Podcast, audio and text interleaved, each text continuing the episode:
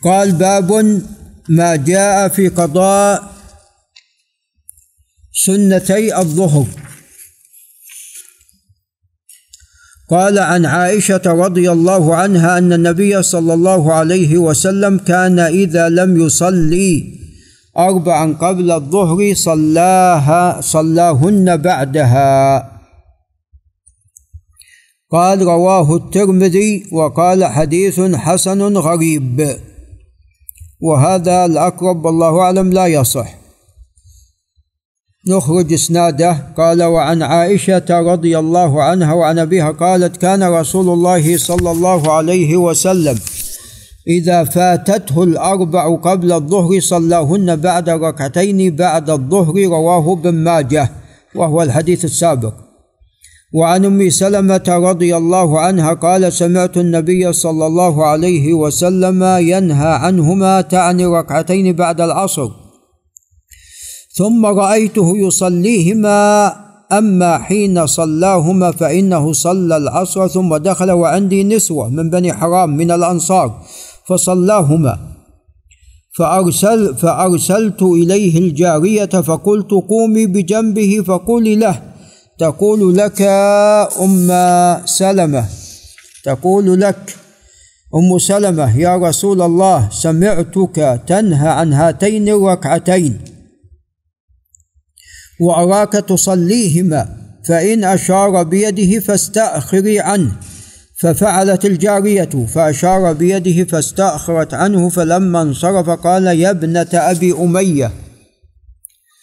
سألت عن الركعتين بعد العصر فإنه أتاني ناس من بني عبد القيس فشغلوني عن الركعتين اللتين بعد الظهر فهما هاتان.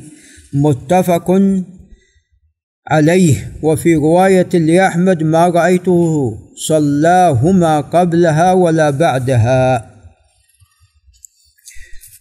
وهذا الأقرب لا يصح لأنه كان يداوم عليهما صلى الله عليه وسلم. يقول حدثنا عبد الوارث بن عبيد الله العتك المروزي. قال أخبرنا عبد الله بن المبارك عن خالد الحذاء عن عبد الله بن شقيق عن عائشة أن النبي صلى الله عليه وسلم كان إذا لم يصلي أربعا قبل الظهر صلاهن بعدها. هذا حديث حسن غريب إنما نعرفه من حديث ابن المبارك من هذا الوجه. رواه قيس بن ربيع عن شعبة عن خالد الحذاء نحوه نحو هذا ولا نعلم رواه عن شعبة غير قيس بن ربيع. وقيس لا يحتج به. قال وقد روي عن عبد الرحمن بن أبي ليلى عن النبي صلى الله عليه وسلم نحو هذا. طبعا الإسناد الأول قوي. لكن الترمذي قال حسن غريب إنما نعرفه من حديث ابن المبارك فلعل يراجع أكثر وإلا فإن الإسناد إسناد قوي. أي نعم. هذا ما تقدم في حديث الترمذي وابن ماجه.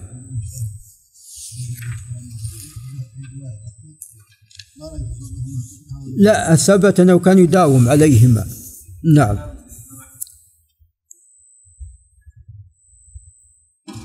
نعم تفضل.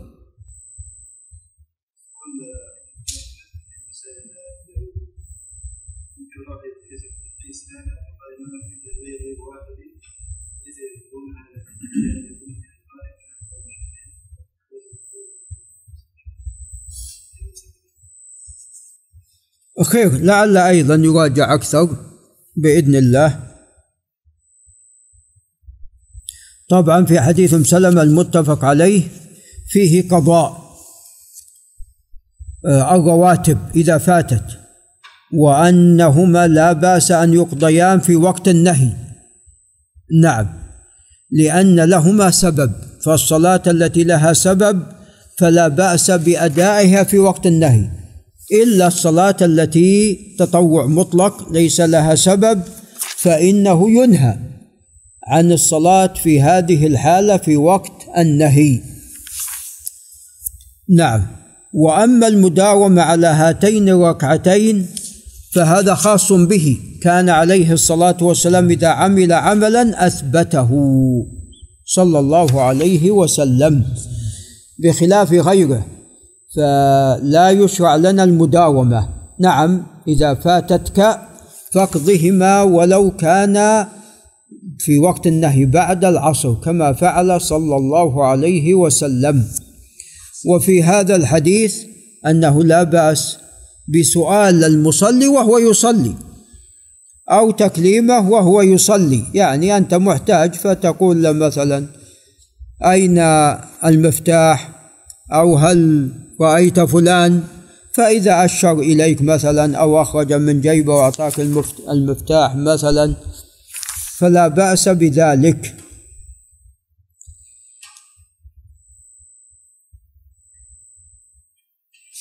وهنا يعني الرسول صلى الله عليه وسلم أشار بيده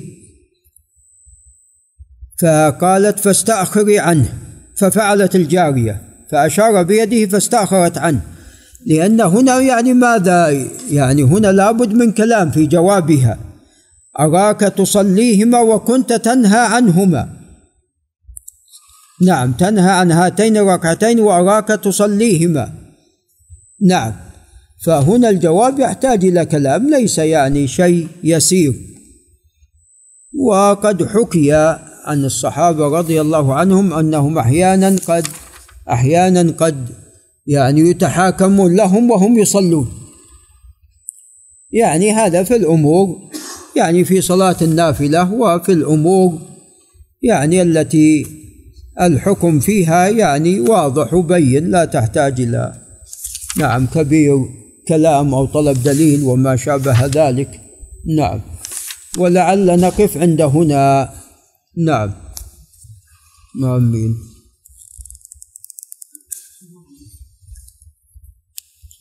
نعم. نعم. المداومة. المداومة خاصة. المداومة خاصة. لكن أنت قد فاتتك فلا بأس أن تصليهما حتى في وقت النهي. والسنة أنك تقضيهما. هذه هي السنة في ذلك. نعم. وأن الرواتب تقضى. نعم. يعني هذا هدي عليه الصلاة والسلام. ولذا إذا فاته شيء من صلاة الليل قضاه عليه الصلاة والسلام في النهار.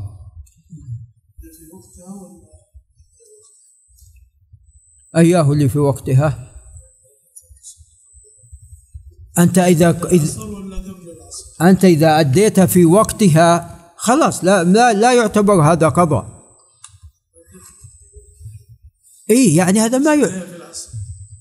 يعني أنت أنت أن تيسر لك قبل العصر أن تصليها فبها صليها. لكن يبدو أنه عليه الصلاة والسلام منشغل بهذا الوفد حتى جاء العصر. نعم. فأنت يعني إن بادرت فبها ونعمت هذا هو المطلوب. نعم. اي تقضى اي تقضى. تقضى بعد الظهر نعم.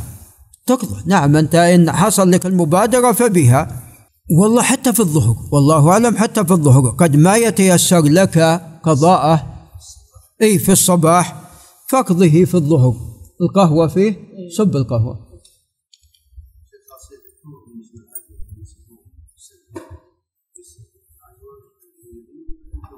والله هو جاء في العجوة. نعم لكن الإنسان إذا لم يكن عنده عجوة فأي تمر إذا إذا كان العجوة موجودة فبها ونعمت. ما موجودة العجوة فأي تمر